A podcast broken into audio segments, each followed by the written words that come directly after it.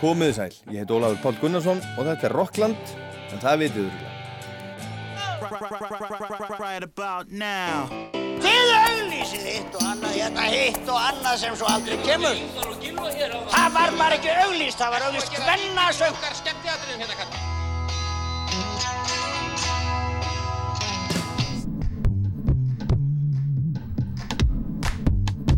Dúfna hálfum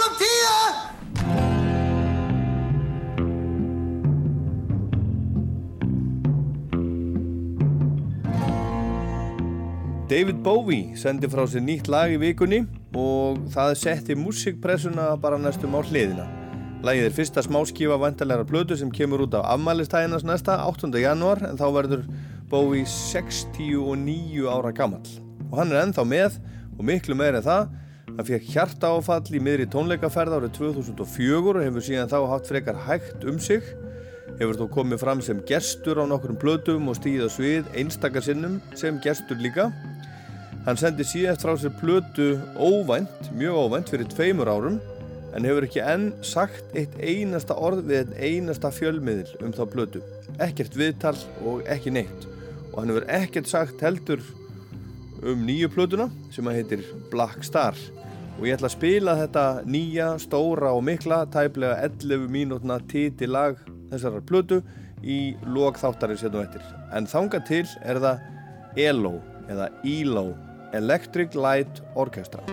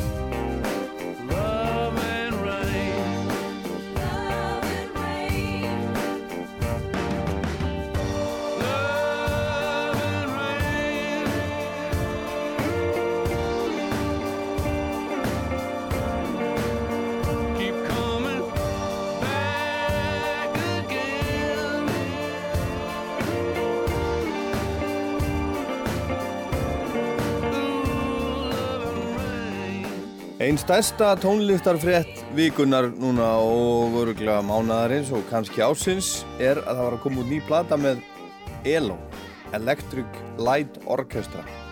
Platan kemur reyndar út undir nafninu Jeff Lynne's ELO en Jeff Lynne hefur frá upphafi frá 1971 verið forsprakki ELO. Hann er þessi hljómsveit og hljómsveitin er hann.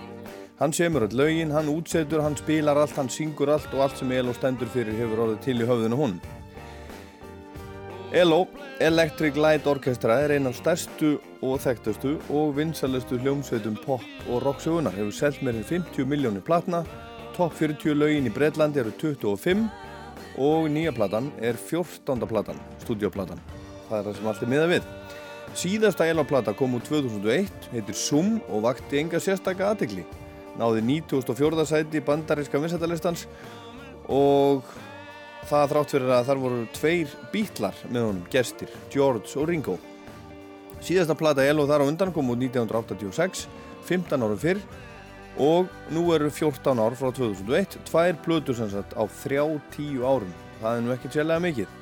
En ELO hefur líka meira verið tengt fortíðinni en nútímanum, ekki síst vegna þess að Jeff Lynne hefur aldrei verið mikið fyrir það að spila á tónleikum En nú er þetta bara alltaf breytast. Það er mikill spenningu fyrir plötunni sem heitir Alone in the Universe og nú ætlar ELO líka að fara að túra en það hefur sveitin ekki gert síðan 1986. En hvers vegna fannst Jeff þetta að vera rétt í tíminn núna?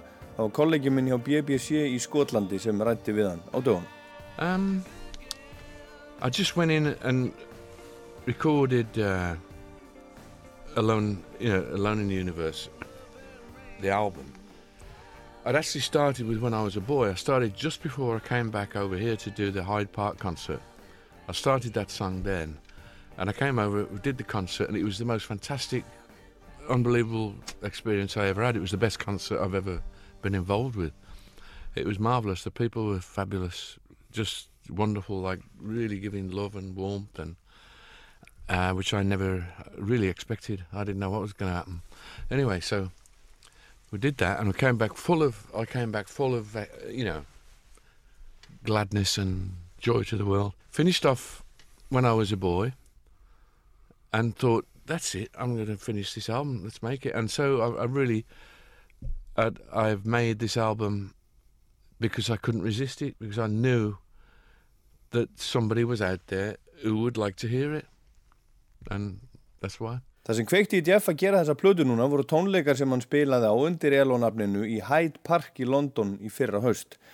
Hann vissi ekki hverjir mátti búast við fyrir framkort einhverju hefði áhuga á að mæta og koma að hlusta á hann, hann evaðist og allt það en honum var svo vel tekið, fólki sem var komið til að sjá hann var á öllum aldri og allir sungu með allan tíman og þetta voru bestu tónleikar sem hann hafði nokkuð tíma spilað á fannst honum. Hann var fullur af gleði eftir tónleikana og Björnsít, við skulum heyra hérna brot.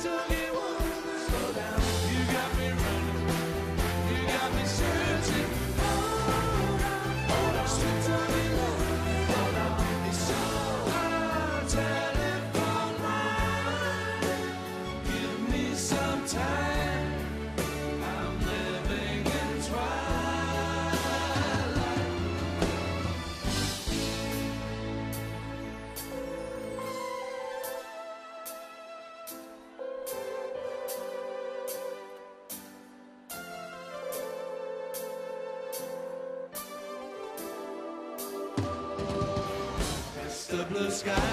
Tell us why you had to hide away for so long. Where did we go wrong? Mr. Blue Sky, tell us why you had to hide away for so long. Jeff Lynne og Elo í Hyde Park á Festival for a Day sem BBC Radio 2 stendur fyrir vinsalast útastöðun í Breitlandi spilar alls konar popmusik fyrir Bretana, ríkisútvarpið í Breitlandi svipað og Rástföð gerir hérna á Íslandi.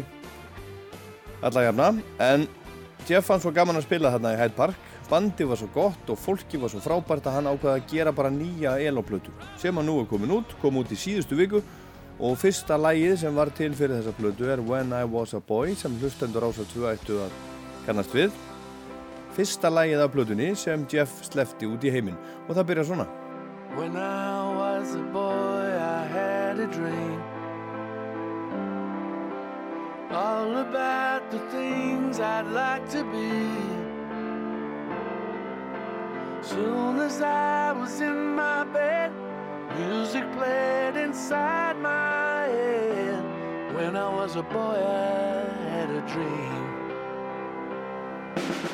When I was a boy, I had a dream all about the things I'd like to be soon as I was in my bed music played inside my head það er búið að vera tónlist í höfðinu á Jeff Lynne alveg síðan hann var lítill strákur og hann let sér dreyma um framtíðina It all started with Roy Orbison's Only the Lonely.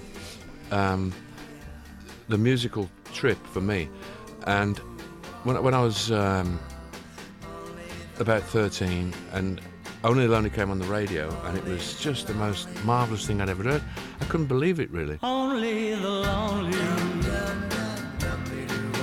know the way I feel tonight. Only the lonely know this feeling ain't right. I couldn't believe it really, how good it was. It was just uh, the production of it. Fred Foster was the producer. I've since found out because I got to be good pals with Roy, uh, which was a thrill in itself. Uh, to know him and be his great pal, and we used to laugh together and just have a, a great time in the Travelling Wilburys and and producing Roy Roy Orbison. And that's probably where it started, and and a little bit of Runaway. Del Shannon was was used to knock me out as well. I loved that tune so much, and, and their their voices, and they always sung. They always sung about loneliness.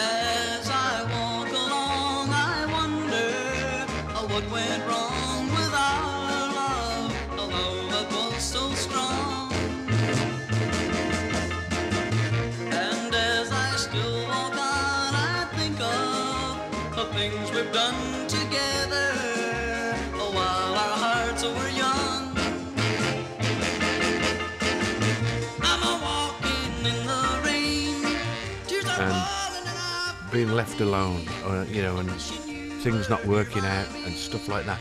And I suppose that sort of, that sort of kind of content stuck with me, and I still like to write songs about lonely things. And uh, and what I thought was in Alone in the Universe was was what is the loneliest you could possibly be ever? And I thought, well, alone in the universe.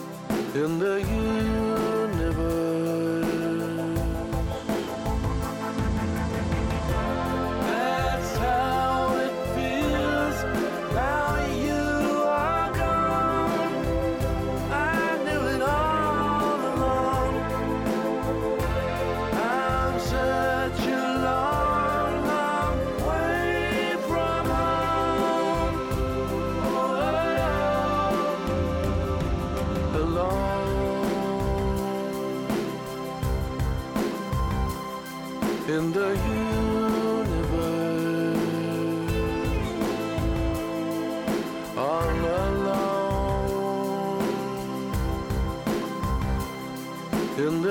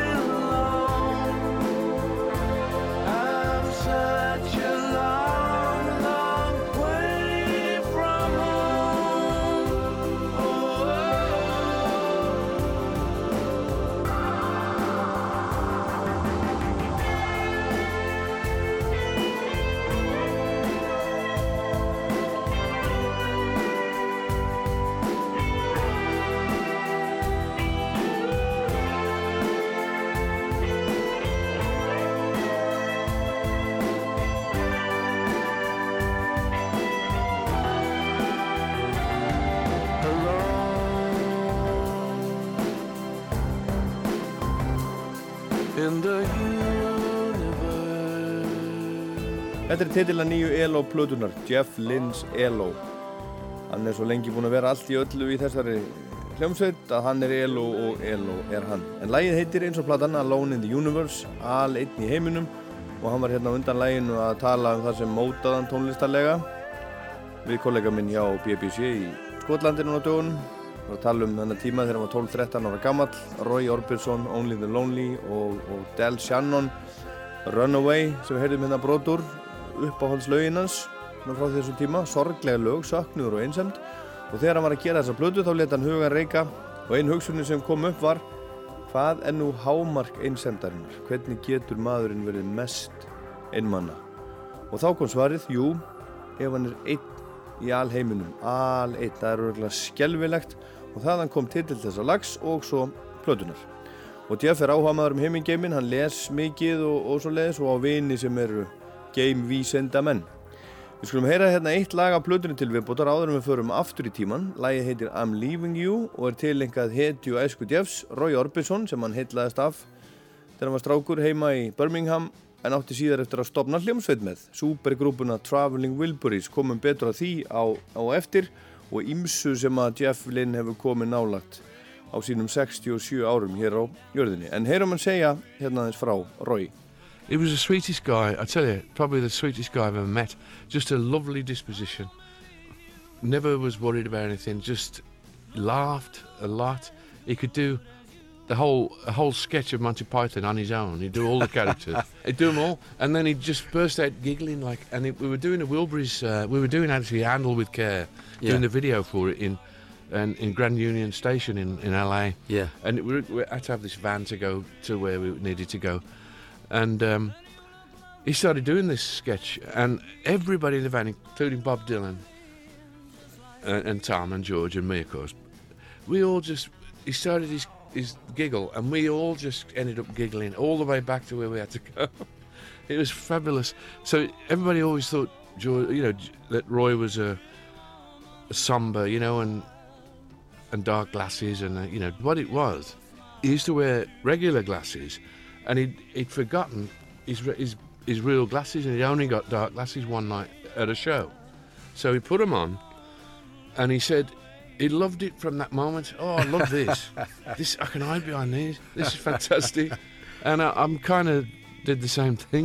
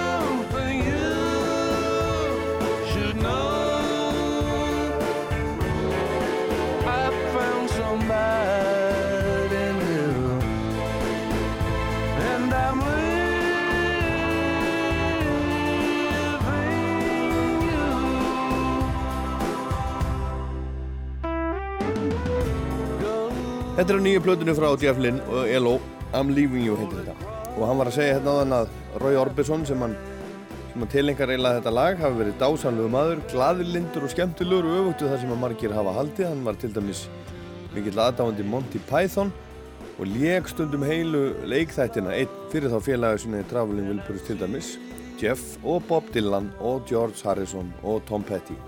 Hann var alltaf með svört sólgleru, þau voru enginnismerkjans og honum fannst gott að vera með sólgleru fela sig á bakveðu það var nú eiginlega allt og sumt. Og Jeff Lynne er líka búinn að vera með sólgleru í áratvíi, það er líka hans einginnismerki önnu tegund heldur en Rói var með.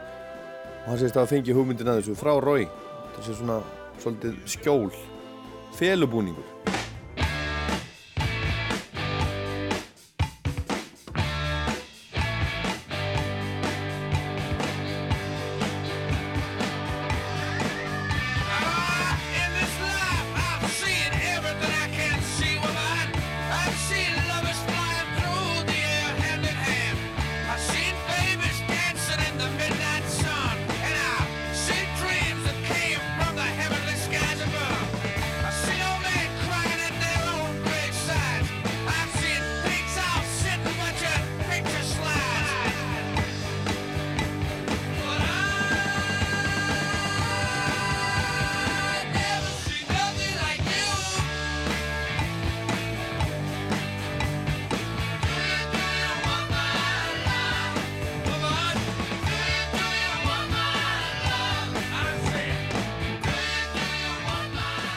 Þetta er skemmtilegt lag. Þetta er ennska hljómsveitin Move sem var starfandi á síðara hluta 7. áratórun svo fram yfir 1970 í Breitlandi. Aðalmaðurinn í Move var Roy Wood, gítarleikari og söngvari en í janúar 1970 gekk okkar maður Jeff Lynne til liðis við þessa hljómsveit. Hann var þá verið í annari hljómsveit sem að hétt The Idle Race og gert með henni tvær plötur 1968 og 69 sem var gott ár. Og það var Jeff sem samti þetta lag sem heitir Do Ya Do You Do You Want My Love. Þetta kom út á björlið smáskífunar California Men með Move. Og það var Wood félagans í Move sem átti eiginlega hugmyndina að ELO Electric Light Orchestra. Hann vildi gera músík sem var eins konar framhald af bítlónum stórt psychedeliu pop rock með strengjum, cello og fiðlur. Og upphaflega var ELO eins konar auka búgrinn svona út frá Move. Move var aðal og þetta lag hefur lifað ágætlega til dagsins í dag. Ace Frehley úr Kiss tók þetta lag upp fyrir sólarplötunum sína sem kom út 1977 þegar allir meðlumir Kiss gáf út sólarplötur sama daginn en árið áður hafði þetta líka komið út með ELO 1976 og var nokkuð vinsælt á.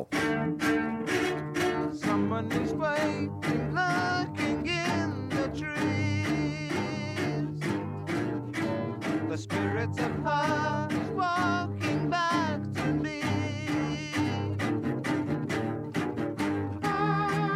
At me now, feeling emotion. Ah, Look at me now.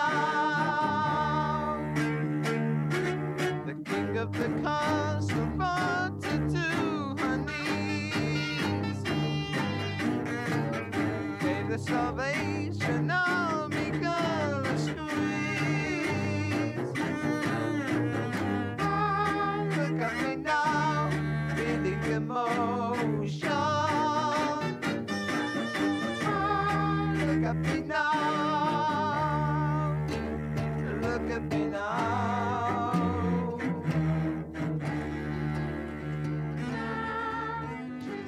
Og áfram höldum við hérna með Jeff Lynne og ELO. Þetta lag sem er eftir Roy Wood er að finna á fyrstu ELO-plötunni sem heitir Electric Light Orchestra. Kom út 1971 og það er svolítið mikið Eleanor Rigby í þessu. En það var ju einu sinni pælingin á bakvið þessa hljómsveit. Eleanor Rigby bítlar á styrum. Þetta voru þeir Jeff Lynne, Roy Wood og trommarinn Bev Bevan, stopnendur. Með þeim voru svo tveir aðri gaurar, Bill Hunt á hljómborð og horn og Steve Woolam á fiðlu.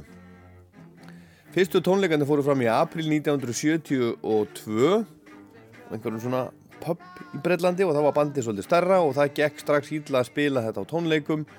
Og þeim líkilmönnunum Jeff og Roy Wood kom ekkert sérstaklega vel saman. Það var eitthvað alltaf einhver spenna á millið þeirra og það leiði ekki á löngu þar til Roy yfirgaf Jeff og stopnaði nýja hljómsveit sem hann kallaði Wizard Wizard gáði plötu 1973 þar sem er meðal annars að finna lag sem var mjög vinsælt og heitir See My Baby Jive. Þeir sem voru unglingar á þeim tíma mun eftir þessu lagi en líklega ekki aðrir.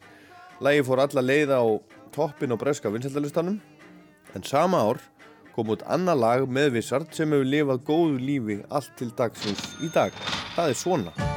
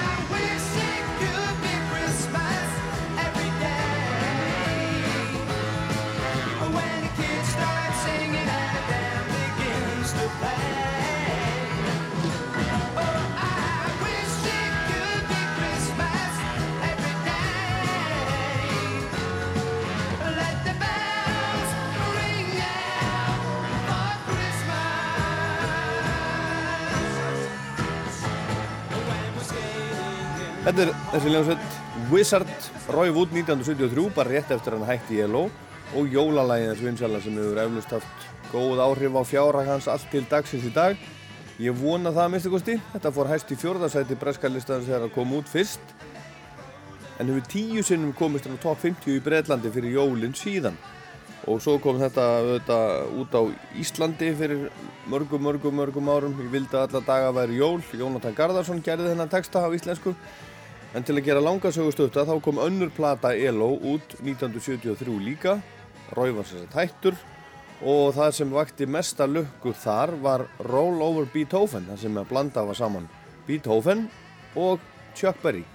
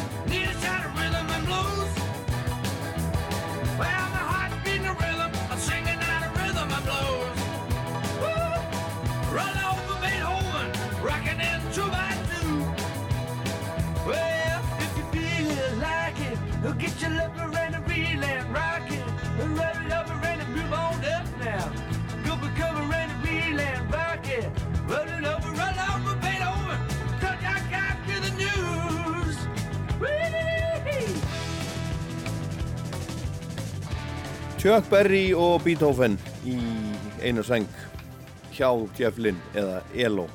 Þessi plata náði 35. sæti breska vinsaldalistans og 60. öðru sæti í Ameríku. Það var svolítið spenningur fyrir þessu.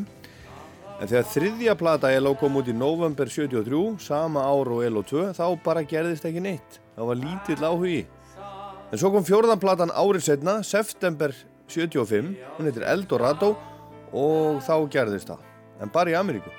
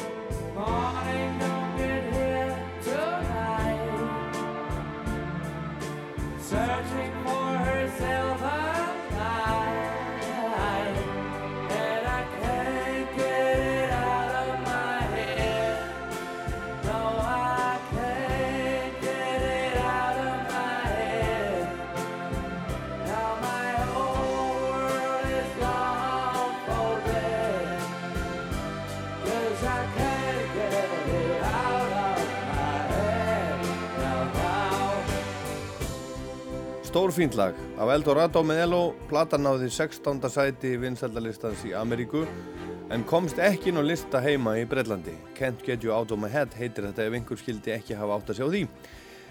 En næsta plata hún komst ekkert frekar inn á vinsaldalistan í Breitlandi, hún heitir Face the Music, fymta plata Elo, hugsið ykkur. Hún komst ekki inn á lista í Breitlandi fyrst þegar hún kom út en þar er þó lag sem varð vinsald.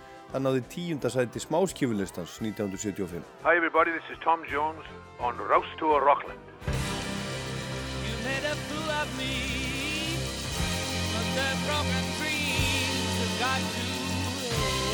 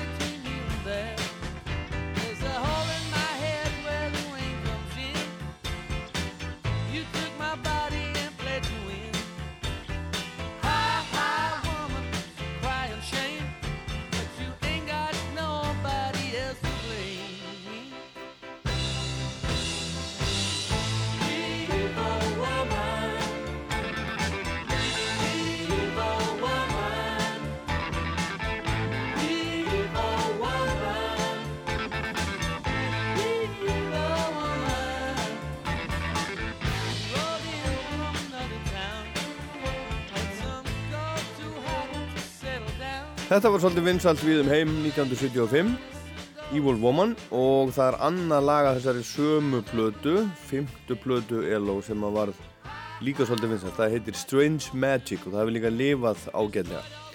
Sjötta plata hljómsveitarinnar, A New World Record, kom svo út í júli 1976 og það er fyrsta plata hljómsveitarinnar sem seldist eitthvað ráði í Breitlandi. Hún áði sjötta sæti vinsaldalistans og þar eru nokkrar perlur, til dæmis Living Thing, Do Ya, gamla múflægi sem við heyrðum áðan og svo þetta hérna.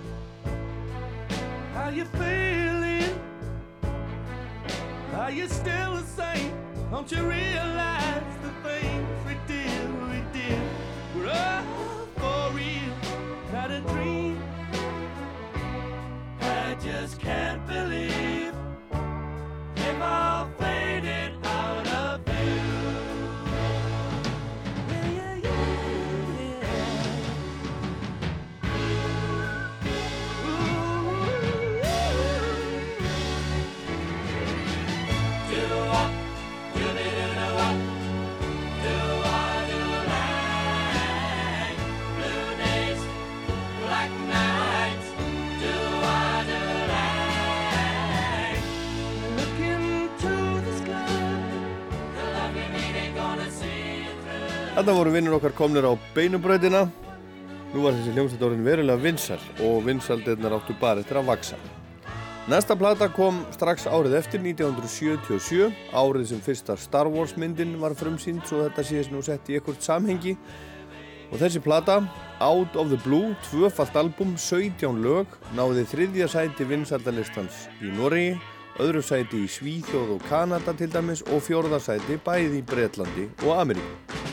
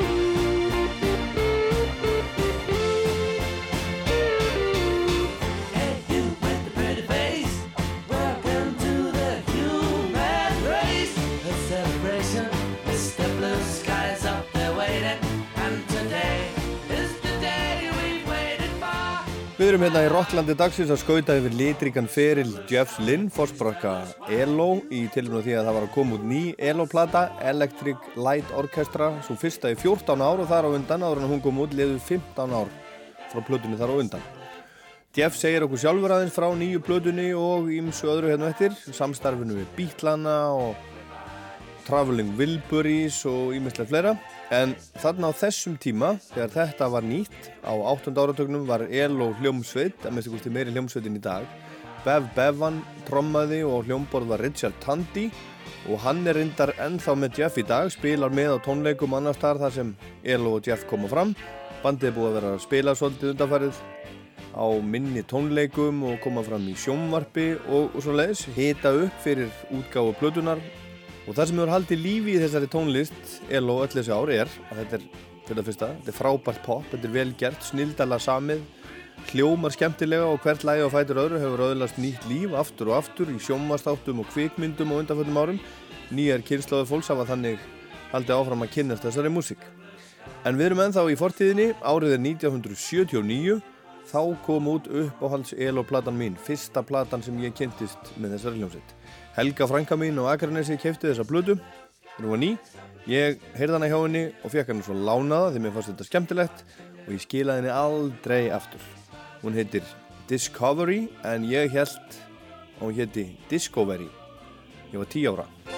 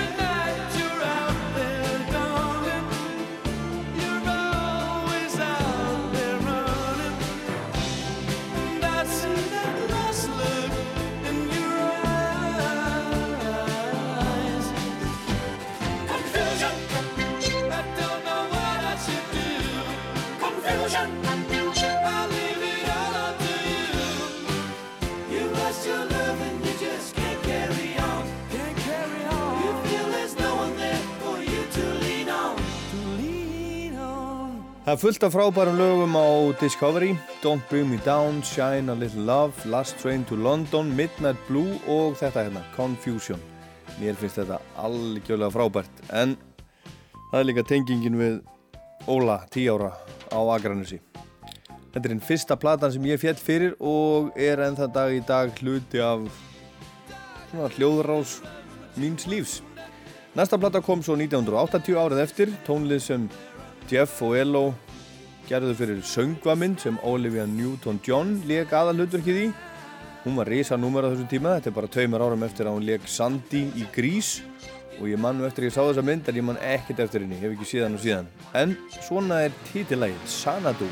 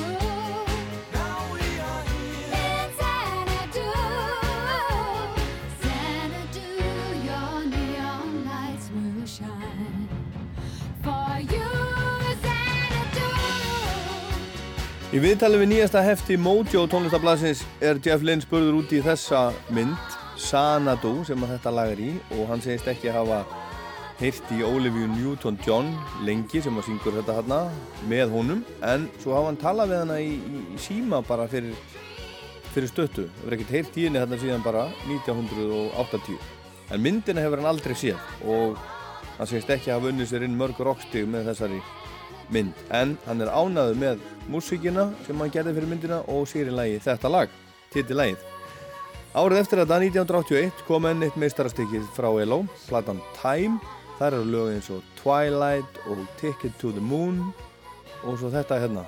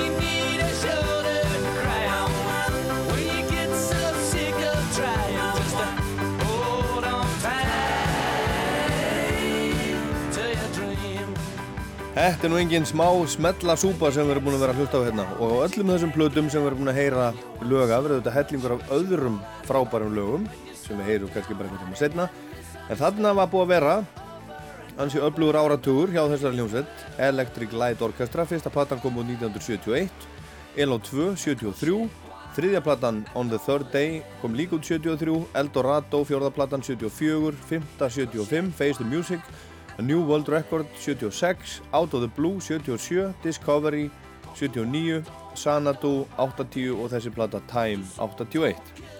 Og Time fór á toppin á breska vinsættalistanum og í Svíþjóð líka og mjög víða, líklega hérna á Íslandi. Ég gerir ráð fyrir því, það er mikið til á þessari blötu á íslenskum heimilum en þann dag í dag. Þetta var mjög mikið spilað og mjög vinsælt en þetta er náttúrulega áður en Rás 2 fór í loftið. Þetta er bara Rás 1. Þetta hefur örgulega verið spilað á Rás 1. Ég bara trúi því og með minnir það.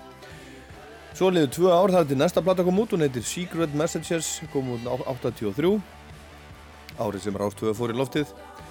Og svo kom Balance of Power síðasta eloplatan í rauninni 1986 og eftir hana þá lagði Jeff el á nafninu og, og snýri sér að öðru. Og svona áhugin hafði einhvern veginn aðeins minkað hafði aðeins svona feitað út en hann var farin í það að stjórna upptökum á plötum fyrir aðra, ekki fyrir hvert sem er samt. Hann var bara í að vinna með svona eins og hann hefði sérstakann áhuga á gömlum idolum og svona. Hann gerði tvær plötur með Dave Edmunds Information 83 og svo Riff Raff 84 svo fekk hann verkefni svakalegt verkefni 1987 komum betur því og eftir en það var plata fyrir George Harrison Cloud9 Dwayne Eddy fekk hann með sér í plötu þetta sama ár 87 og Brian Wilson úr Beach Boys Jeff stjórnaði upptökum á fyrstu sólarplötunu hans árið 1988 skulum heyra smá brot af upphafslægi þeirra plötu. I was sitting in a crummy movie with my hands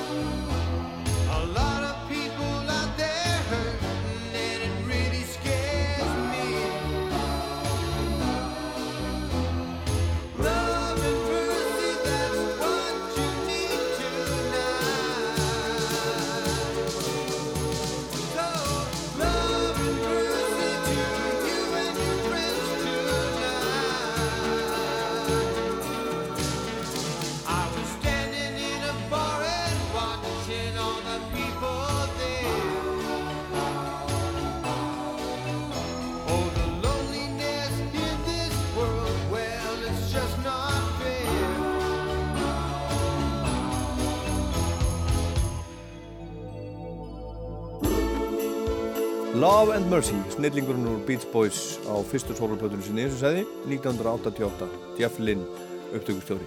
Jeff, okkar maður, maður dagsins í Rocklandi, erum að skauta yfir hans feril vegna þess að það var að koma út ný plata með ELO, Jeff Lynne's ELO kallar hana í dag, heitir Alone in the Universe, heyrum lög á henni hérna á eftir líka.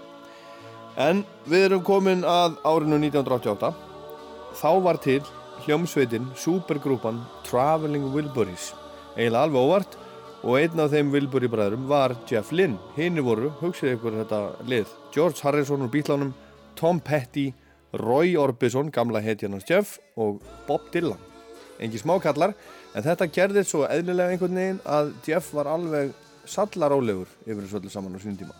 What it was really, when George, when I was doing Cloud9, George had, had said to me, after a couple of months we were doing Cloud9, he got, you know, we'd have a few drinks after the session up in the studio, and uh, he said, me and you should have a group, you know.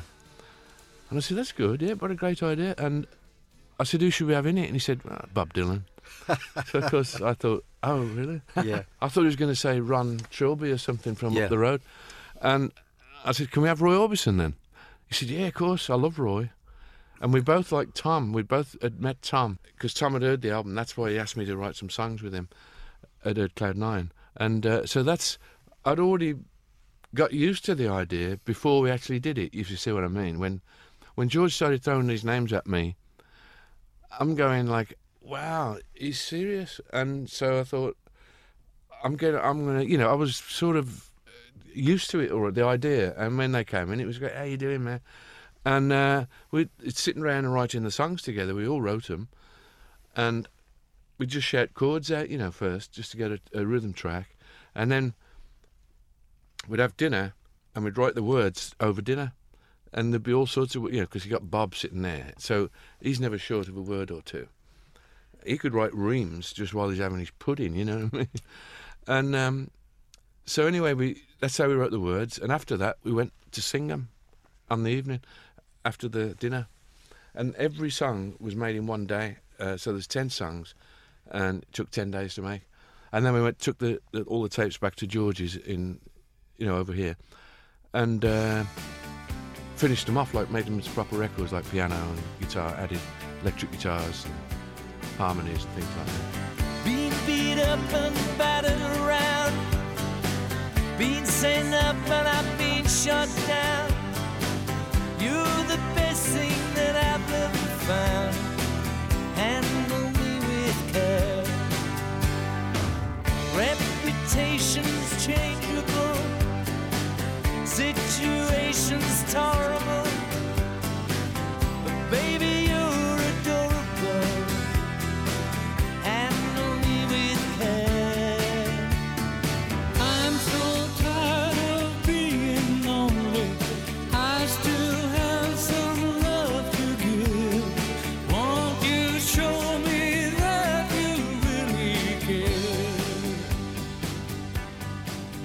vel hvaðan þetta kemur, þarna eru þeir George úr Beatlunum og Tom Petty, Roy Orbison, Bob Dylan og Jeff Lynne.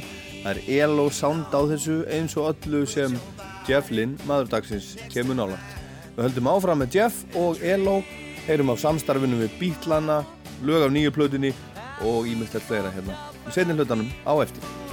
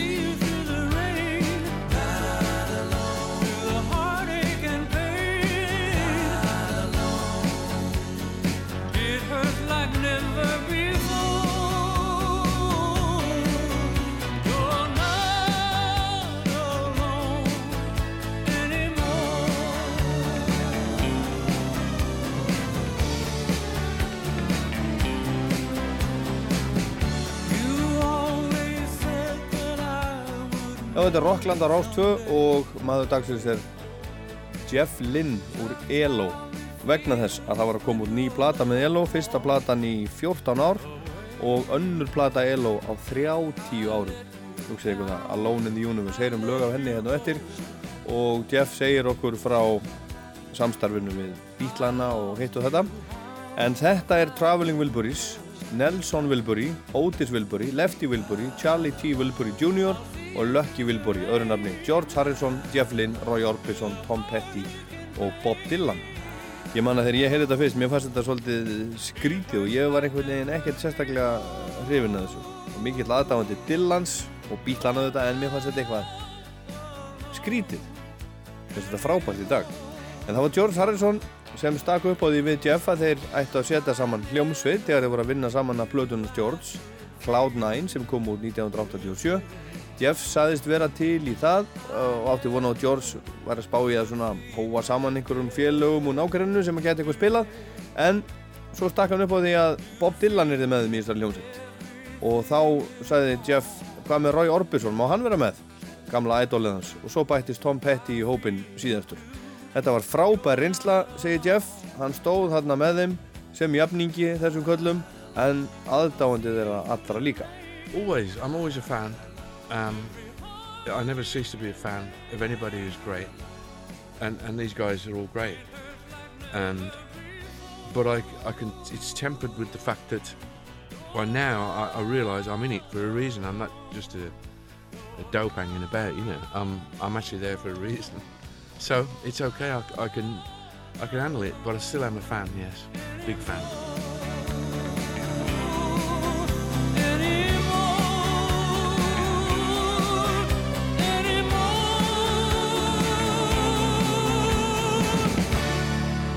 Eins og ég segði þá var það George Harrison sem hafði samband við Jeff og baði hann um að stjórna upptökum á plötu með sér þarna 1987 sem að fekk nafnið Cloud9 og þarna rætti skamall draumur Jeff sem átti eftir að stækka enn meira síðar.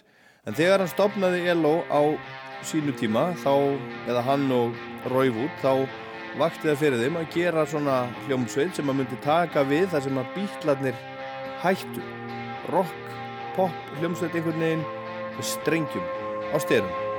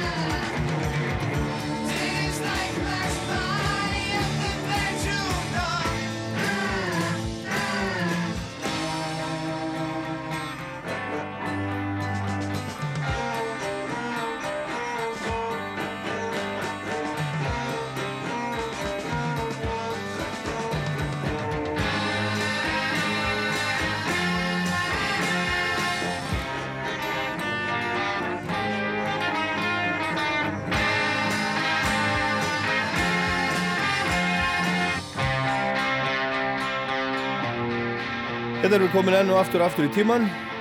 Svona hljómaði ELO, Electric Light Orchestra árið 1971. Þetta kom út á smáskífu 72 rundar, þetta er upptaka frá 71. Þetta er fyrsta smáskífa ELO, fyrsta litla platan. 10538 Overture átti uppaflega að koma út á bjellið og smáskífu með hljómsveitinni Move sem Jeff Lynne kom inn í síðla ás 1970 en svo leistist hún upp og þeir Roy Wood og Bev Bevan fylgdu Jeff í ELO þegar svo, þeir byggu hana er unni til til hliðar heyrum aðeins hvað þið voru að pæla með þessu lægi Well, I remember what I remember is I had this big guitar riff that the one that you hear down, down, down, down, down, down. Roy bought a cello the week before, Roy Wood, and um, he could play it like the week later. He played the bloody thing, and I was going, "Wow, that's good. Let's put it." You know, we thought, let's put it on this big guitar riff, and he was doing these riffs like, "Jigga jigga jigga jing, jing, jing, jing," and it was fantastic, and it sounded just mind blowing at the time because it was like exactly what we thought ELO would be like. But anyway, about three months later, he left because we didn't really see eye to eye that closely, uh, you know, musically. So, and so we just went our separate ways, and and uh, it was about a, a, you know, kind of a mad person who who did strange things and ended up falling over a cliff. So it wasn't a very happy song.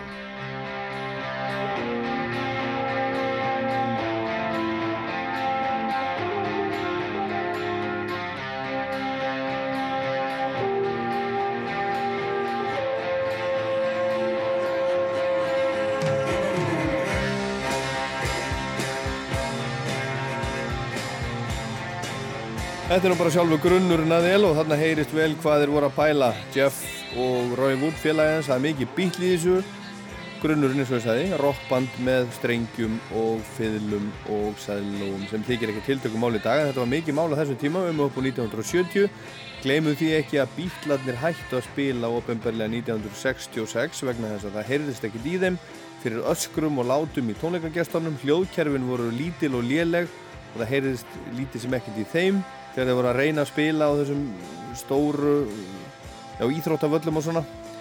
Og þetta er bara nokkrum árum setna og vissulega hafði margt gerst í tónleika og græju bransanum á þessum fá árum en það sem Elo var að reyna virkaði ekki vel. Það voru yngir, yngir pick-upar á þessi strókljófari þú þurfti að setja mikrofón á það og það var feedback á sviðinu. Þetta var algjört vesen. Það var allt svona freka glatað og þess vegna meðal annars hætti Jeff Lynn meir og minna koma fram á endanum. Þetta var alltaf einhvert vesen, erfitt og bras og leiðilegt. Og samstarfið á milli þeirra eh, sem á stopnu við hljómsveitina Roy Wood og Jeff Lynn það slitnuð upp úr því. Þeir sömdu til dæmis aldrei neitt saman þeir sömdu bara lög í sikkur og lægi og þetta einhvern veginn gekk ekki, ekki upp og Roy bara fór. Hann var fljótlega einráður meir og minna í Elo hann Jeff, það var hans hljómsveit og síðasta Elo-platan í bylli, við stökkum alveg frá 1972 til 1986, þá kom síðasta Elo-platan út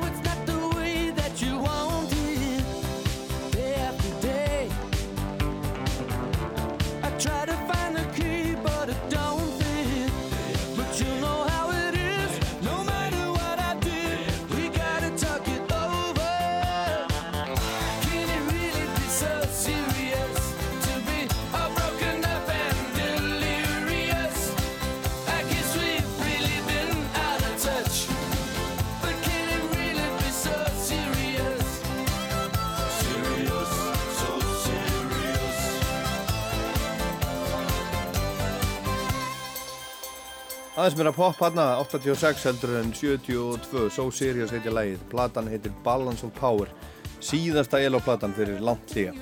Kjarnin í hljómsveitinni var alltaf fram til þessa tíma Jeff og trommarinn Bev Bevan sem var alveg með frá upphafi og hljómbósleikarinn Richard Tandy sem er enn að spila með Jeff og ætlar að vera með uh, þegar ELO fer að túra en Bev Bevan er ekki lengur með, hann stopnaði einhvern tíman ELO Part 2 hann trommaði svo með Black Sabbath eina tónleikaferð, Born Again túrin 1983, leisti Bill Ward af Holmi og þá var Ian Gillan söngvari í Black Sabbath. Kannski margir búin að gleyma því, Ian Gillan úr Deep Purple. Og svo trommar Bev Bevan aðeins á plötu Paul Weller, Wake Up the Nation sem kom út fyrir tveimur árum. En næsta stóra verkefni sem Jeff Lynne uh, reðist í eftir að hann kláraði að fylgja eftir síðustu elaplötunni var að stjórna upptökum á Cloud9 plötu George Harrison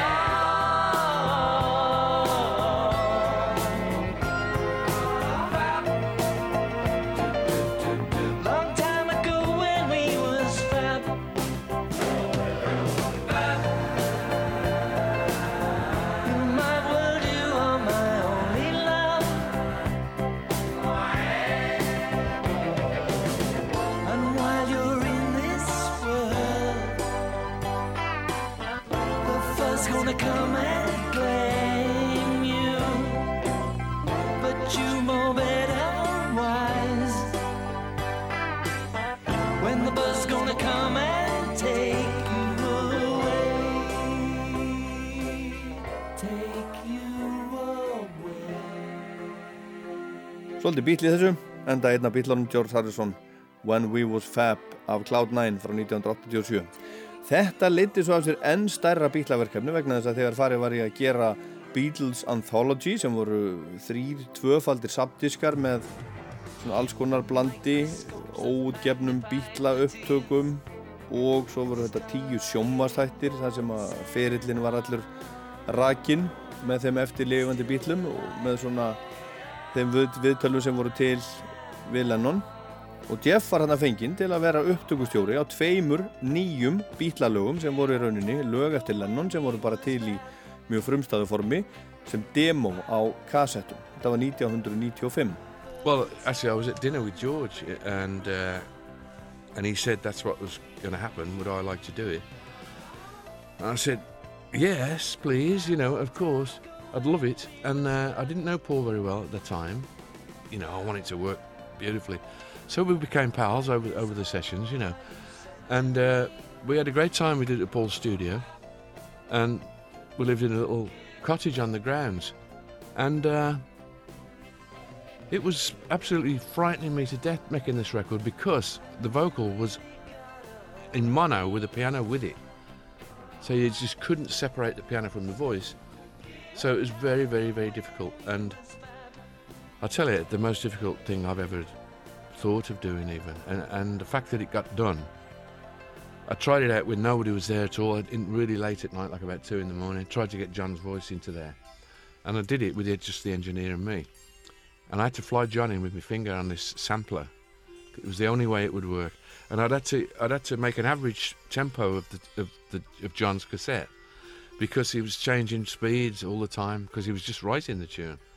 So you didn't you don't really bother about the timing when when you're writing it, and um, I got this average and then sort of slotted him in where where he had to be again, and sometimes I'd have to nudge it a little bit, make it a bit late so he'd finish on time on the beat or make him a little bit early. And it's very minuscule, the early and late parts, but that's what makes it sound right. You know, it's because it's it's not uh, It's not sloppy. It's really tight. It took me hours to do it, and and one of the great thing was, I just finished doing it, and Paul came in the next day, and he was listening to it, and he said, and he came over to me, and he gave me this great big hug, and he said, "You've done it. Well done."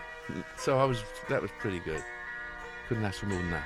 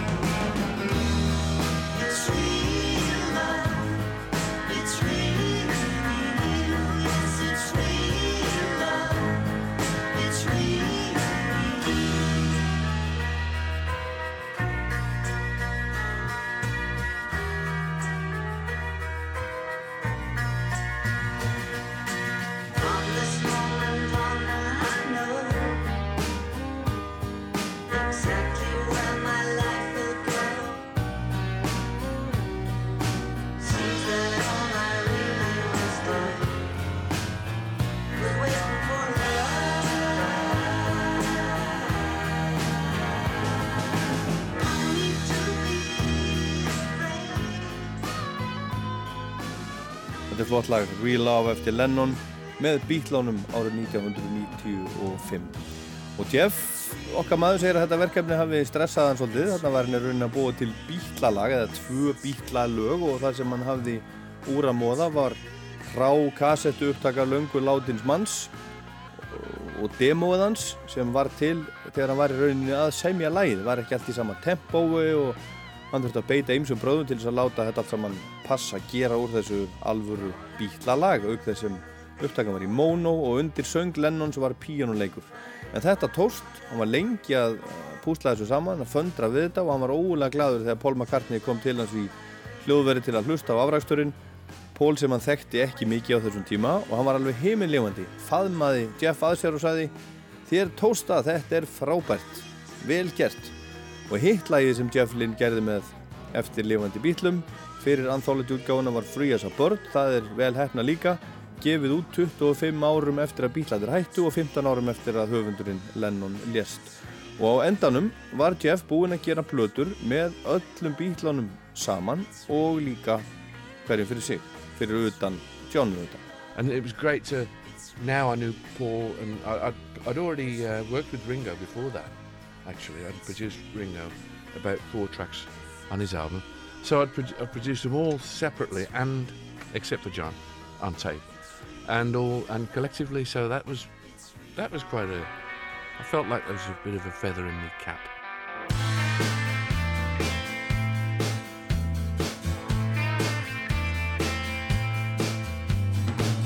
I saw you sitting at the center of a circle. Everybody, everybody wanted something from you. Saw you sitting there. Saw you swaying to the rhythm of the music. Got you playing, got you praying to the voice inside you. Saw you swaying there. I don't care what you wanna be. I go back so far,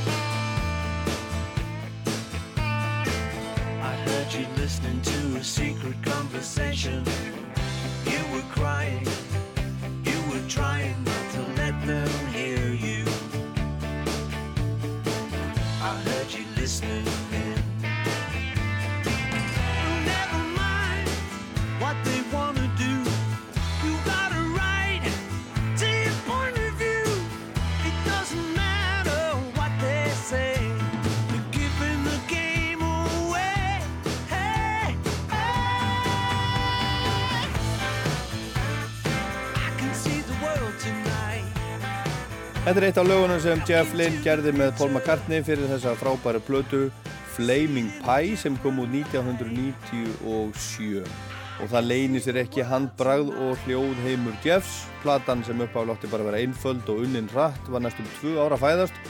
Og auk Jeffs komu George uh, Martin að upptökustjórninni og Ringo Starr og Steve Miller og James sonur Paul fjórir upptökustjórar með Paul og eins og Jeff sagði hérna áðan þá hafði hann líka gert nokkur lög fyrir blödu með Ringo sem að heitir Time Takes Time kom út 1992 áður en hann fekk stóra bílaverkefni að gera bílalögin 2 fyrir Anthology útgáfana. Hann gerir tvær plötur með Traveling Wilburys, þar heita Traveling Wilburys Volume 1 og Volume 3, ekki þess að 2. Hann gerði plötu með Roy Orbison 1989 sem heitir Mystery Girl, hann gerði Full Moon Fever með Tom Petty 89 líka. Hann gerði svo Into the Great Wide Open með Tom, Tom Petty 91, hann gerði plötuna Rock On með eh, öðrum öðru gömlu átrúnaðu góði Del Shannon 1991 King of Hearts með Roy Orbison 92 svo gerði hann Flaming Pie og svo gerði hann Brainwashed með Harrison 2002 Highway Companion með Tom Petty 2006 hann gerði blödu með Regina Spektor 2009 sem heitir Far og Joe Walsh úr Eagles Analog Men 2012 og hann hefur gefið út 14 blöður með ELO nýjasta platan, nýja platan er 14. platan Það var selst í meirinn 50 miljónum eintaka út um allan heim og topp 40 lögin eru 25.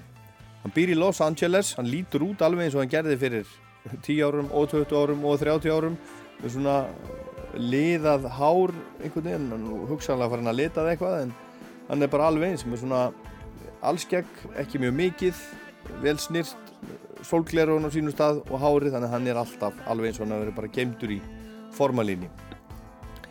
En hvernig vinnur hann? Hann vinnur heima hjá sér. Hvernig semur hann? Kollegi minn hjá BBC í Skotlandi spjallaði við hann um daginn. Well, the good thing is I have my studio is, is in my house in, in Los Angeles, and uh, every room is mic'd up for, for sounds. Six mic lines to every room into the desk, into the analog desk. So I'm never short of wanting to play. I'll play guitar every day, you know, I'll play piano every day just to see if anything comes. Sometimes nothing. Sometimes you get two ideas about two different songs in the same sit-down session, and so I still love doing it. You know, that's the main thing. If I didn't like it, I wouldn't have. I'd have stopped a long time ago. But I absolutely love it to bits. I love all, all aspects. I love to play all the instruments. I play all the instruments on this on this record, and um, I just really enjoy doing that physical thing of playing bass, playing piano, playing drums, uh, and guitar, of course, and uh, and singing all the vocals. I'm, I'm, you know, I know when it's any good or not. I, I, I. I think I do. I think I know if it's not good enough. But it, I've worked so hard at it for many, many years that I should be good at it by now.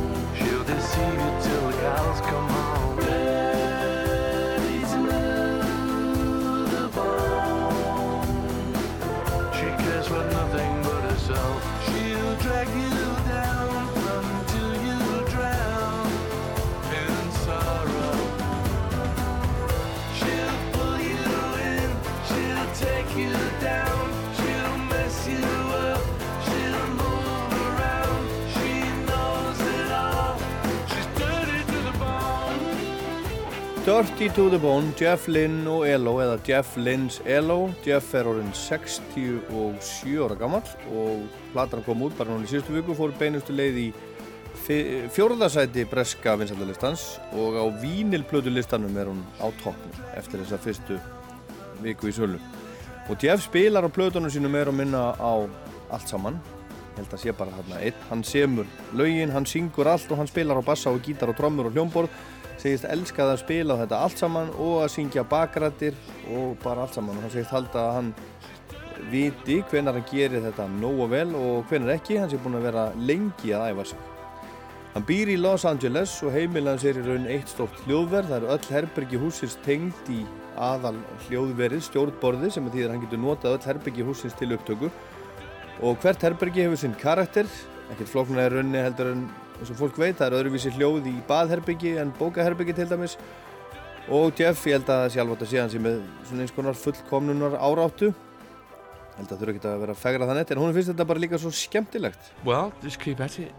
I suppose you know. There's it's all I like doing. I don't really like doing anything else. I just love going in the studio and working, and it's my favourite thing. And thank goodness that they it, they did so well, and gave me a, a decent lifestyle, and I love doing it. So it's not like a chore. It's it's a total pleasure to make records. I love it. I still love it now. Jeff segist að elska að gera það sem hann gerir, að vera í hljóðverinu heima hjá sér, semja lög og taka upp allan daginn og alla daga, það er ekkert sem toppar það. Hann er bara heppinn og honum finnst svo margt við þetta skemmtilegt. I think what I love best is playing all instruments. Uh, uh, you know, playing drums, bass, guitar, piano. I love doing that, and I love doing backing vocals. I love doing harmonies, and I like doing lead vocals when I do them. Um, I suppose the be- the best thing is being the producer.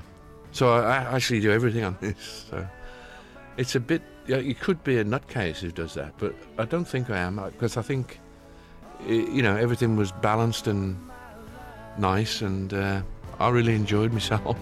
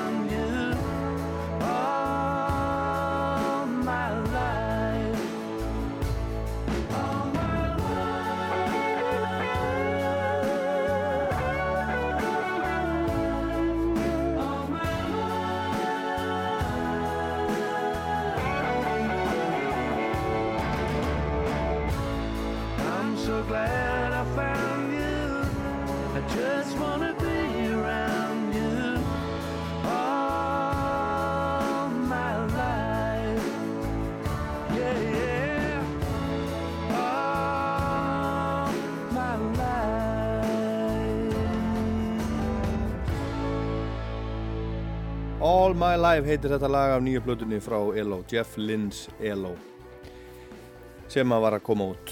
Og hann var að segja hérna hún finnst þetta allt saman best spila á gítar og trommur og bassa og hljómbor og syngja og allra best er þegar hann fær að ráða öllu. Eins og hann hefur, rauninni valið þá leið alla sín æfi þegar hann er prodúser upptökustjórin fyrir ekkert í gegnum að hann sé 100% sáttur.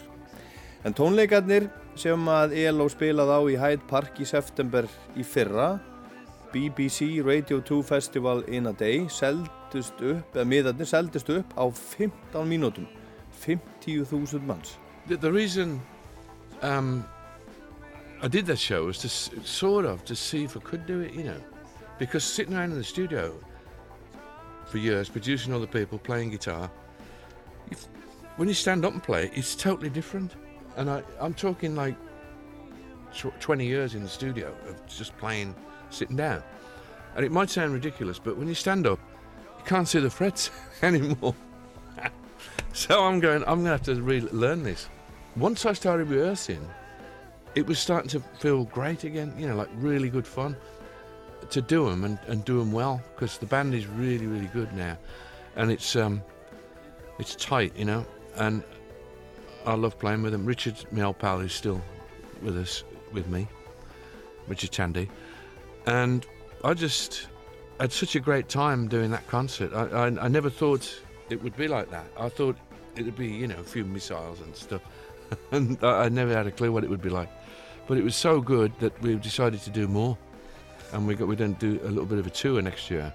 Jeff var búinn að vera meir og minna lokaður inn í hljóðveri bara í 20 ár þegar BBC talaði við hann í fyrra og baði hann um að setja upp tónleika í Hyde Park í sínu nafni, september í fyrra. Þetta er svolítið kannski svona uh, rástfö með tónleika á menninganótt, BBC heldur þetta Festival for a Day í Hyde Park einu svona ári.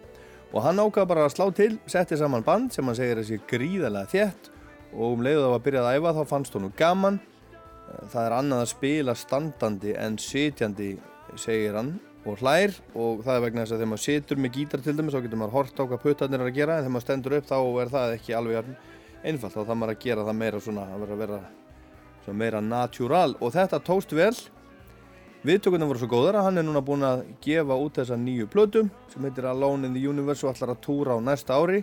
Og ég veit að Æsland er ætlar að vera með hópferð á tónleika með Jeff og Elo í Glasgow og Ingi Gunnar Jóhansson tónlistarmadur og farastjóri verður þar farastjóri og ég held að þessi ferð fari bara í sölu á morgun ef hún er ekki farin í sölu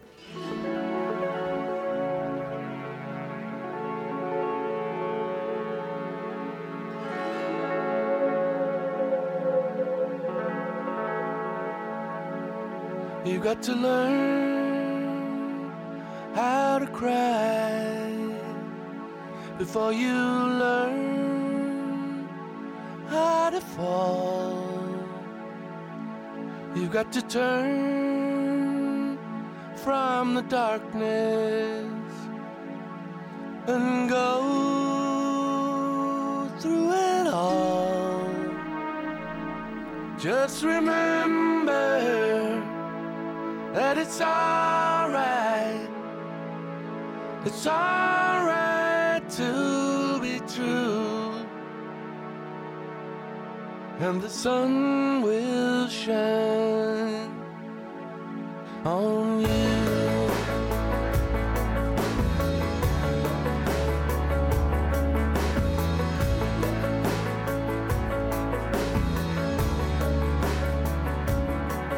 Got to try to remember the promises you made.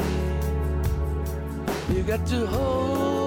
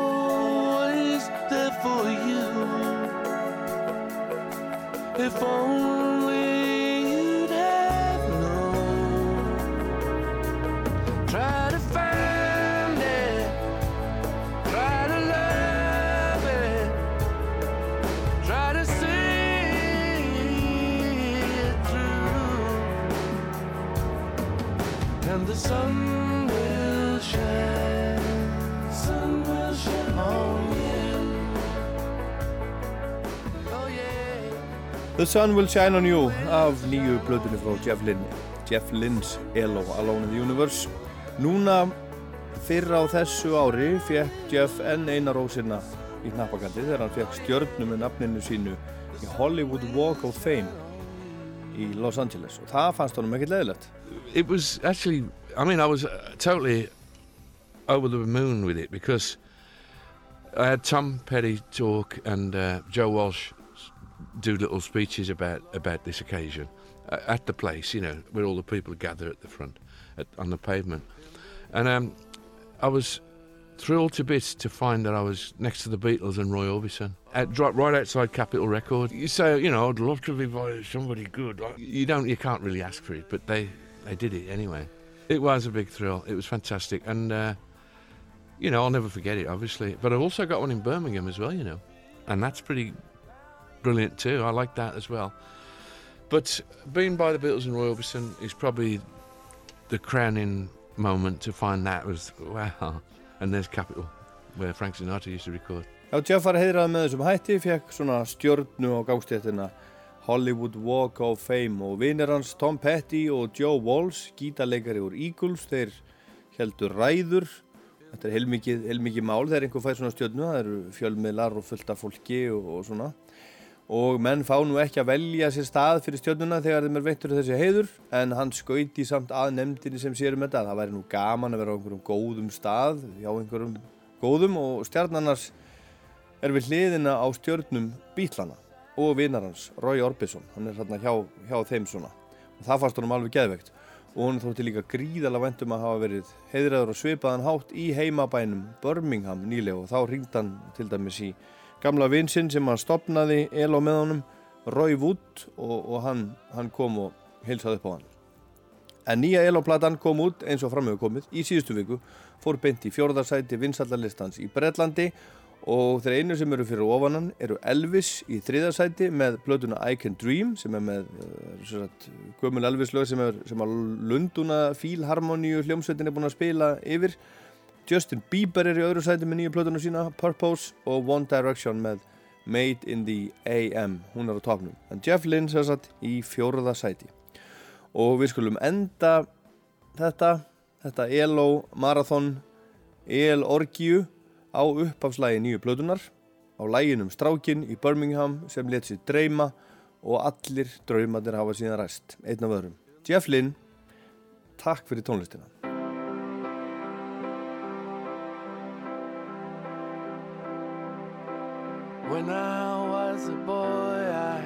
dream.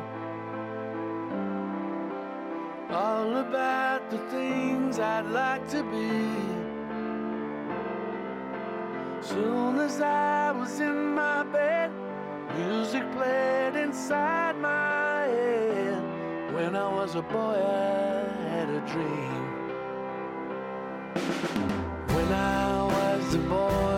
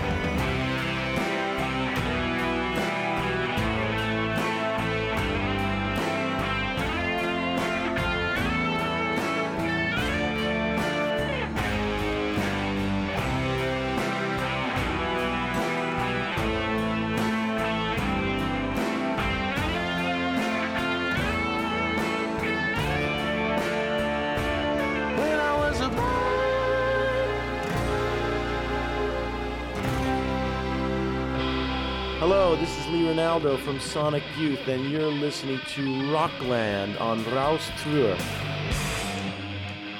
David Bowie sendi frá sér nýtt lag núna í vikunni og það er lokalag Rocklands í dag. Við hæfi á enda á öðrum svona fulltrúa eldri borgara, öðrum meistara. Jeff Lynne er 67 ára en Bowie verður 69 ára gammal 8. janúna skomandi og þann dag sendir hann frá sér 2050 plötuna sína. Hún hefur fengið nafnið Black Star en nafnið líka byrt sem svona svört fimm arma stjarnar og lagið sem Bowie skaut út í heiminn í vikunni er titilægið Svarta stjarnan, fyrsta smáskífa plötunar, rúmlega tíu mínútur að lengt og í leiðinni bauðan heiminum upp á myndband, jafnlangt auðvitað, eða stuttmynd. Lægið er gallsúrt og einhver svona tónlistarlegur grautur, súpa, jazz, pop, síra einhver og myndbandið er enn súrara, enn skemmtilegt, áhugavert. Ég er bara búin að sjá það einu sinni og ég veit ekkert hvað bófi er að fara þarna en eitthvað er það, öruglega. Hann hefur lítið látið ná í sig í rúman áratug, hann veiktist í miðri tónleikaferð árið 2004, fekk hjarta áfall og hefur síðan þá sama og ekkert komið fram á tónleikum, bara sem gestur nokkrum sinnum, en svo senda hann frá sér plötuna The Next Day fyrir tveimur árum, platan vakti mikla aðtigli, fekk ágætt að dóma, lögafni voru spiluð í útarpi við það og svona, en upptökustjórunans og hægri hönd til fjölmaragrára, Tony Visconti, hefur sagt um nýju plötuna að hún sé allt það sem Next Day var ekki. Súplata hafi verið tilraun til að gera eitthvað, eitthvað nýtt en alltaf hafið þeir endað í einhverju gömlu og endurunnið einhvern veginn en nýja platan sé allt öðruvísi, allt annað. Þeim hafi tekist það sem þeir voru að reyna á Next Day. Bowie kynnti síðustu plötu engöngu með myndböndum og slíku og það lítur allt út fyrir að sama aðferð verði nótuð við kynningu á Blackstar, engin viðtöl, hann hefur ekki enn sagt eitt einasta orð nynstaðar um síðustu plötu ekki eitt orð ekkert viðtal. Og það gerir þetta einhvern veginn miklu meira spennandi. Hvað er hann eiginlega að pæla? Hvað er hann að segja? Og hann segir ekki neitt. Ég ætla líka að hætta þessu blæri núna. Þetta var Rockland, ég heit Ólaður Páll Gunnarsson og hér er Blackstar, David Bowie 2016 típan takk fyrir að hlusta In the filler of all men, in the filler of all men, stands a solitary candle.